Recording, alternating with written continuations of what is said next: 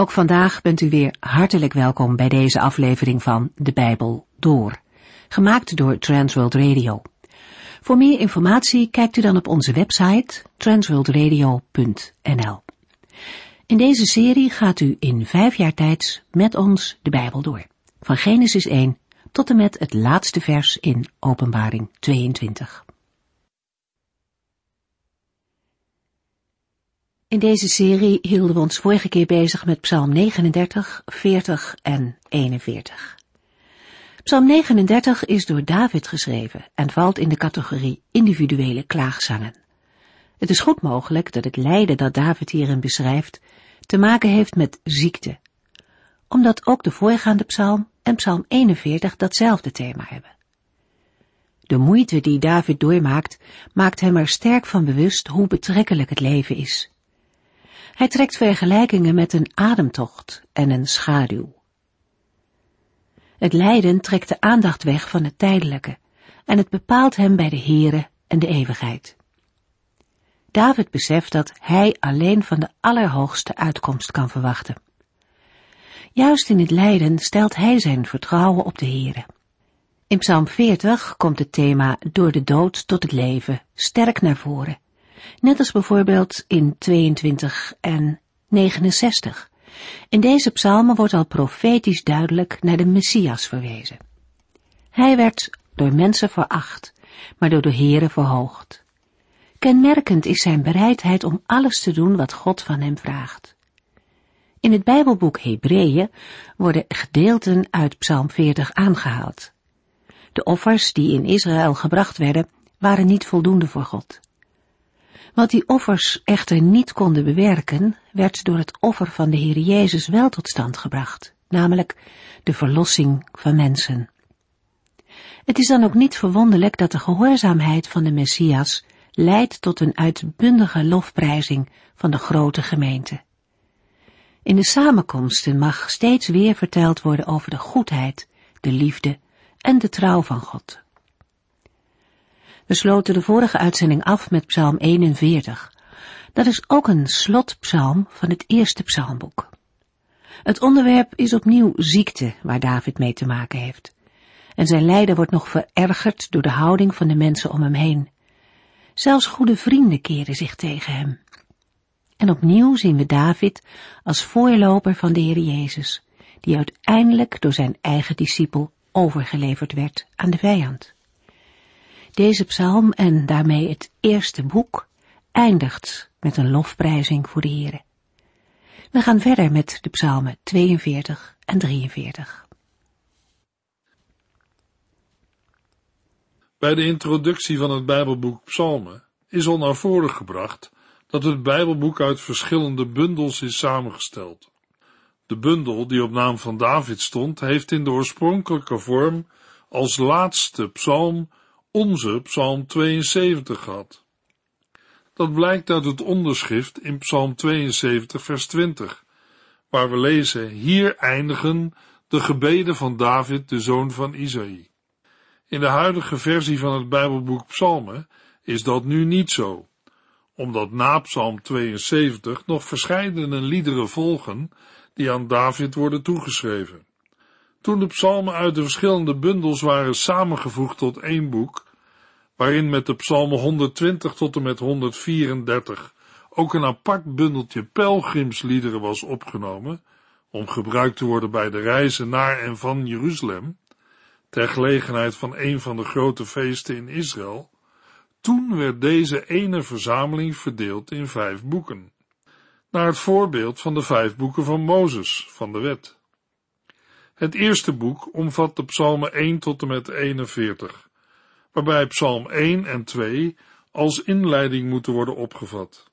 Het tweede hoofddeel of bundel bevat de psalmen 42 tot en met 72.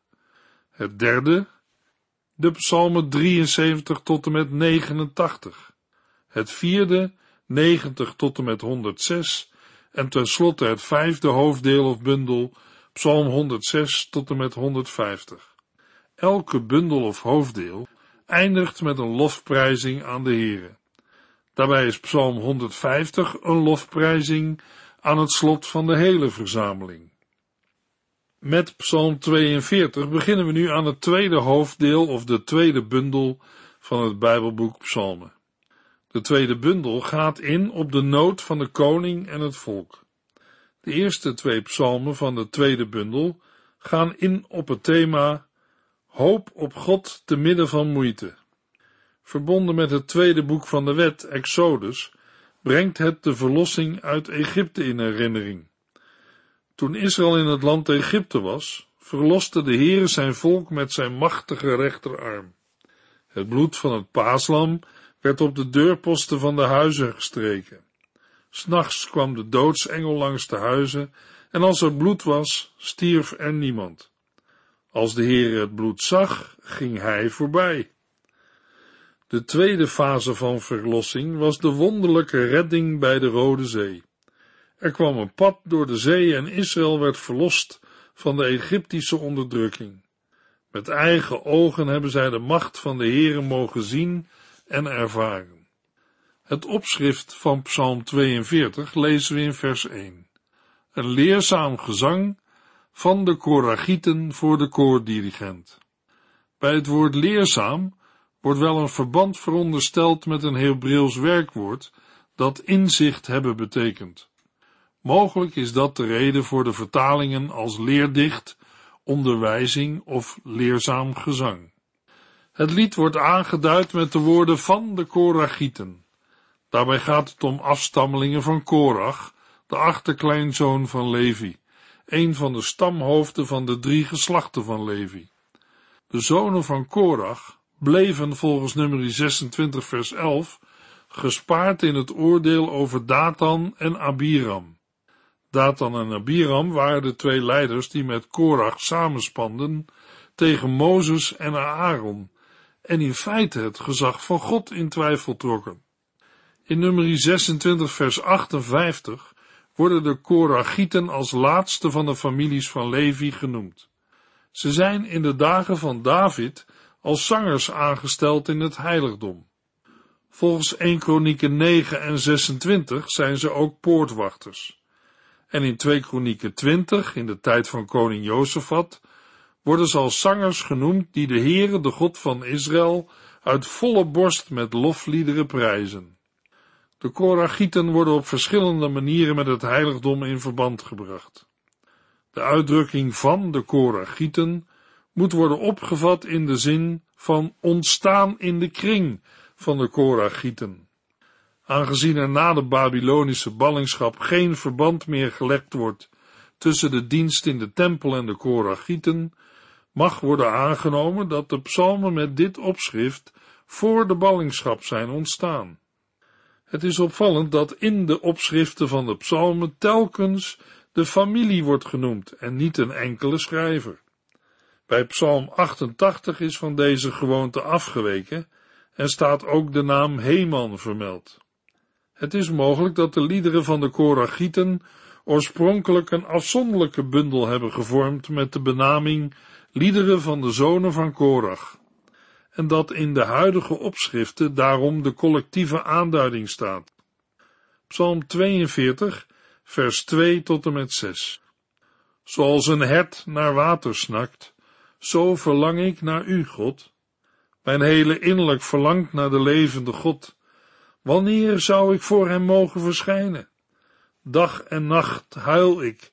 Ik proef alleen maar tranen, omdat men voortdurend aan mij vraagt waar mijn God is. Eens ging ik aan het hoofd van een grote menigte op weg naar het huis van God. Het was een feestvierende menigte. Overal klonk gejuich en lofprijzing. Daar zal ik aan terugdenken en mezelf mee opbeuren. Waarom ben ik toch zo onrustig en teneergeslagen? Ik moet alles alleen van God verwachten. Ik zal hem zeker weer lofprijzen, mijn bevrijder en mijn God. De dichter heeft een verlangen naar God dat zo sterk is, dat hij het vergelijkt met het verlangen van een hert dat water nodig heeft. Zoals het leven van dat hert afhangt van de zoektocht naar water, zeker in de tijd van droogte, zo hangt het leven van de dichter af van het positieve gevolg van de zoektocht naar God. Tenminste, dat is zijn ervaring en beleving. Hij heeft geestelijke dorst. De dichter gebruikt het beeld voor de ontmoeting met de Heere. De beschrijving van het verlangen naar de Heere wordt in de versen 2 en 3 steeds intenser. Het is goed mogelijk dat de benaming levende God gekoppeld moet worden aan stromend water, ook wel levend water genoemd. Beide zijn noodzakelijk voor het leven. Ook is het mogelijk dat de toevoeging levende het contrast wil aangeven met andere goden, die wel worden vereerd, maar tot niets in staat zijn, omdat ze niet leven. Met de levende God wil de dichter een ontmoeting hebben. Hij denkt dan ongetwijfeld aan een ontmoeting in het heiligdom, zoals hij die waarschijnlijk eerder heeft gehad. Hij worstelt met de afwezigheid van de Heere, uitgedrukt in vers 4 en 11 met de woorden Mensen vragen, waar is uw God nu? Ondanks die vraag blijft de dichter hopen op een nieuwe ontmoeting met de Heere. Omgekeerd is ook waar. Ondanks zijn hoop op een nieuwe ontmoeting wordt hij bespot door mensen uit zijn omgeving, die zijn hoop belachelijk maken en hem wijzen op Gods afwezigheid. Ze wrijven het erin met de woorden, waar is uw God nu? Zijn verdriet hierover is aanhoudend en zo groot dat hij vergeet te eten. De uitdrukking dag en nacht duidt op een voortdurend proces. Hij laat het eten staan en voedt zich met niet meer dan tranen. Het wordt hier niet concreet gemaakt, maar kennelijk verkeert de dichter in een moeilijke situatie, waarin de hulp van de Heere noodzakelijk is, maar niet komt. De moeite is dat de dichter zelf geen antwoord heeft op de vraag naar God.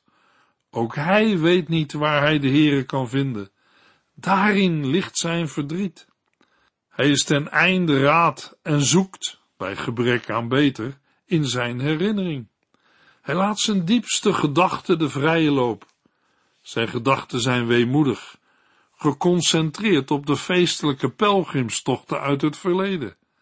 De Israëlieten moesten ter gelegenheid van drie grote feesten naar Jeruzalem komen om deel te nemen aan de vieringen. De drie grote feesten waren Pesach, het Wekenfeest en het Loofhuttenfeest. Toen was Gods aanwezigheid te ervaren.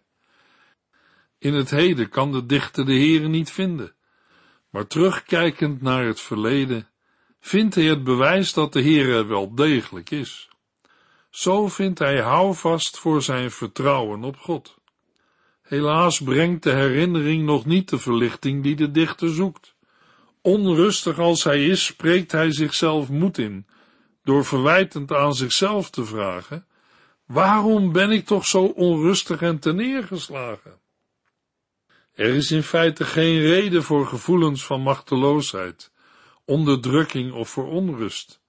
Er zal een omkeer komen want de herinnering aan de pelgrimstochten van vroeger hebben ook een andere gedachte opgewekt. Zoals hij God in het verleden heeft ervaren. Zo kan hij de Heere opnieuw ervaren. Hij moet alles van de Heere verwachten. Door zichzelf zo aan te sporen, wordt die hoop al in praktijk gebracht. Zijn hoop is immers verbonden met het wachten op de verlossing die de Heere heeft beloofd. De dichter vertrouwt erop dat hij opnieuw God zal loven in het heiligdom. Ik zal hem zeker weer lofprijzen, mijn bevrijder en mijn God. Woorden die steeds weer terugkeren in vers 12 en in Psalm 43 vers 5. Het is alsof het refrein steeds herhaald moet worden om de waarheid ervan te laten doordringen. Psalm 42 vers 7 tot en met 12. Steeds opnieuw ben ik neergeslagen. Daarom dwing ik mijzelf aan u te denken en aan het land bij de Jordaan en het Hermongebergte. Zoals het water klinkt en het bruisen van de rivieren, zo treffen mij uw beproevingen. Overdag zal de goedheid en liefde van de Heere bij mij zijn, en s'nachts zal ik tot hem zingen, bidden tot de God van mijn leven. Ik zal God mijn rots vragen, Waarom vergeet u mij? Waarom moet ik te neergeslagen rondlopen, onderdrukt door mijn tegenstanders? Waarom ben ik toch zo onrustig en neergeslagen? Ik wil op God vertrouwen. Eens zal ik hem zeker weer loven, want hij is mijn bevrijder en mijn God. De dichter mijmert als het ware verder met de woorden van zijn refrein. Zijn ziel is neergedrukt en daarom kijkt hij opnieuw naar het verleden. Maar nu zijn het niet de pelgrimstochten naar Jeruzalem waar hij aan denkt, maar de Heere zelf. Hij dwingt zichzelf aan de Heere te denken en aan het land bij de Jordaan en het Hermongebergte. Maar ook die herinnering brengt geen verlichting. De gedachte aan de bergen roept een beeld op van wanhoop, zoals de bergbeken bruisend de diepte instorten en op de rotsen uiteenspatten. Zo wordt zijn leven uitgegoten. Het beeld wijst op het geweld van het neerstortende water van een waterval. Het geweld van die bruisende watermassa sluit feilloos aan bij de ervaring van de dichter, want het lijden komt voortdurend met alle geweld op hem af. Zo verandert het beeld van de eerste verse. In vers 2 werd naar water gesnakt. In vers 8 blijkt het water verraderlijk en genadeloos. De moeite is bijzonder groot, en daarom lijkt het in eerste instantie vreemd dat de dichter plotseling een belijdenis uitspreekt. Maar als de woorden van vers 9 in het licht van de herinneringen worden geplaatst en in verband worden gebracht met de vragen van vers 10, dan is een belijdenis niet vreemd. Bij het gedenken van de Heere kunnen ook woorden uit een lied, gebed of belofte naar boven komen. Overdag was God dichtbij. Hij zegende met zijn goedheid en zelfs s'nachts bleek een loflied en een gebed verlichting te geven. Daarom kan de dichter de Heere de God van zijn leven noemen. Maar als die beleidenis op waarheid berust, waar is de God van zijn leven dan? Hij ervaart de verdrukking door zijn vijanden als afwezigheid van God, alsof hij door de Heer is vergeten.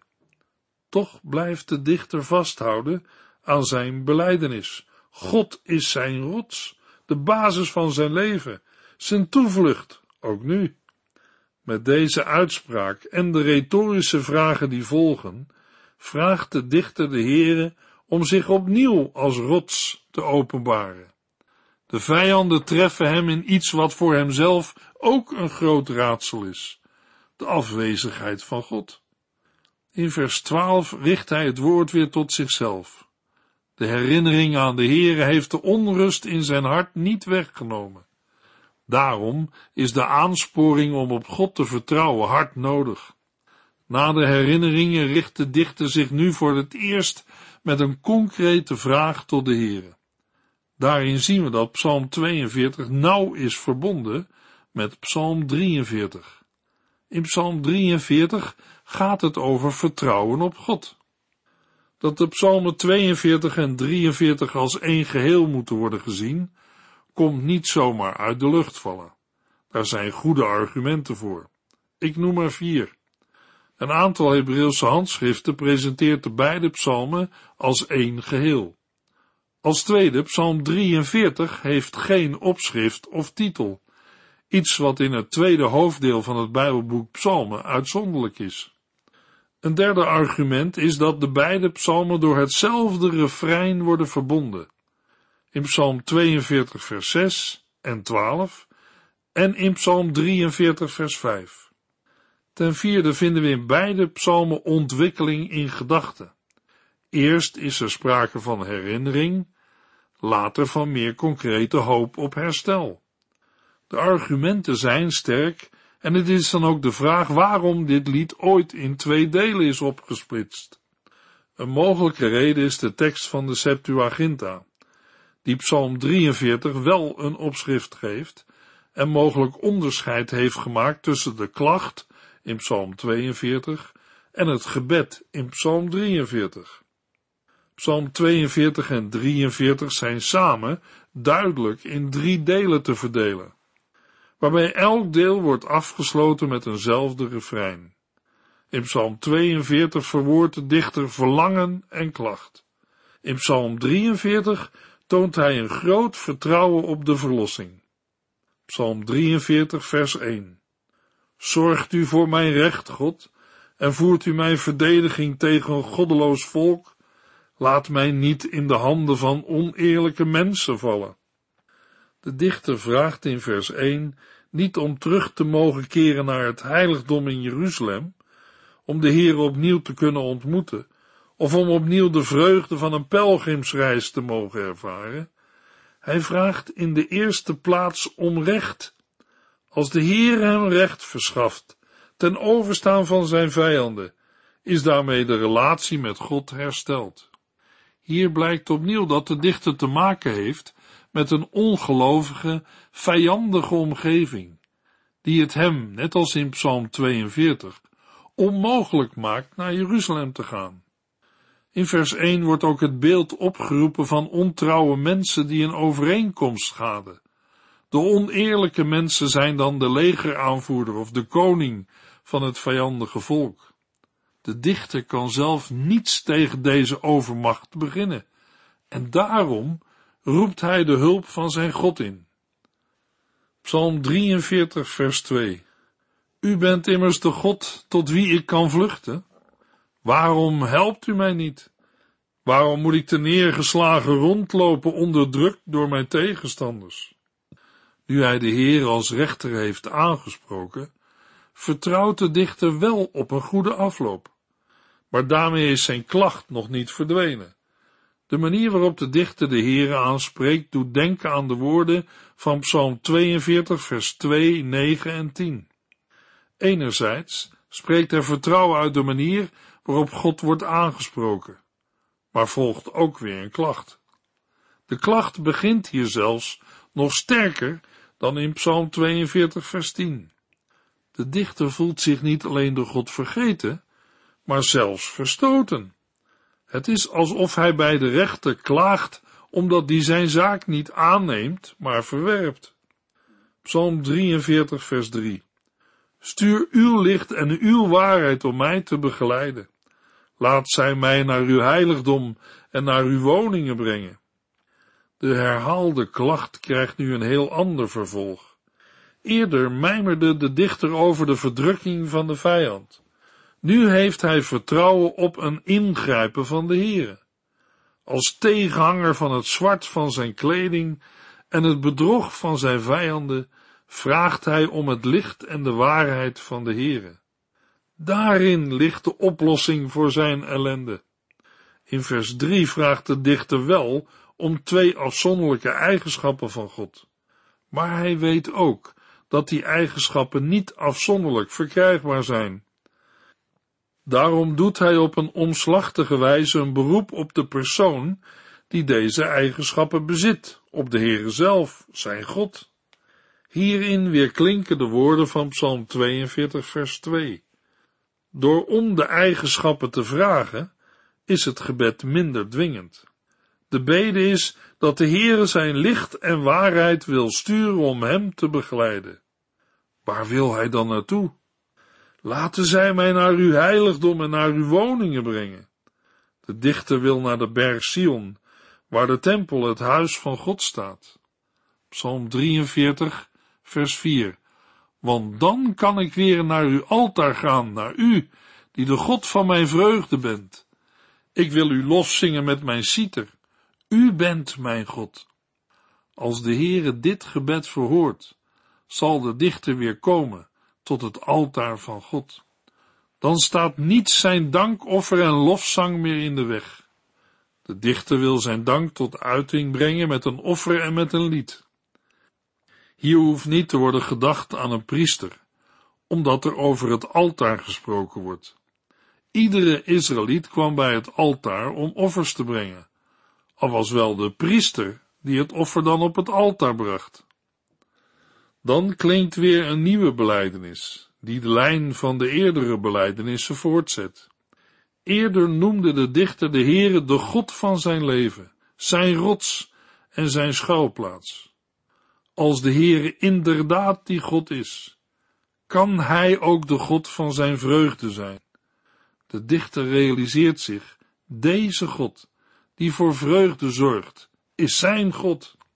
Hij beschrijft de weg naar de Here als een stijgende lijn door te spreken over het komen naar het heiligdom of uw heilige berg, dan naar uw woning en naar Gods altaar en uiteindelijk naar de God van mijn vreugde. Psalm 43 vers 5 Waarom ben ik toch zo onrustig en neergeslagen? Ik wil op God vertrouwen, Hem wil ik lofprijzen, want Hij is mijn bevrijder en mijn God. Die climax in vers 5 geeft de woorden van het refrein, dat al tweemaal eerder klonk, een heel andere lading.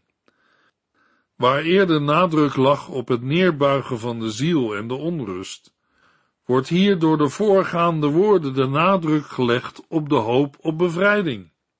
De laatste woorden hebben de dichter ervan overtuigd dat de ellende een keer zal nemen.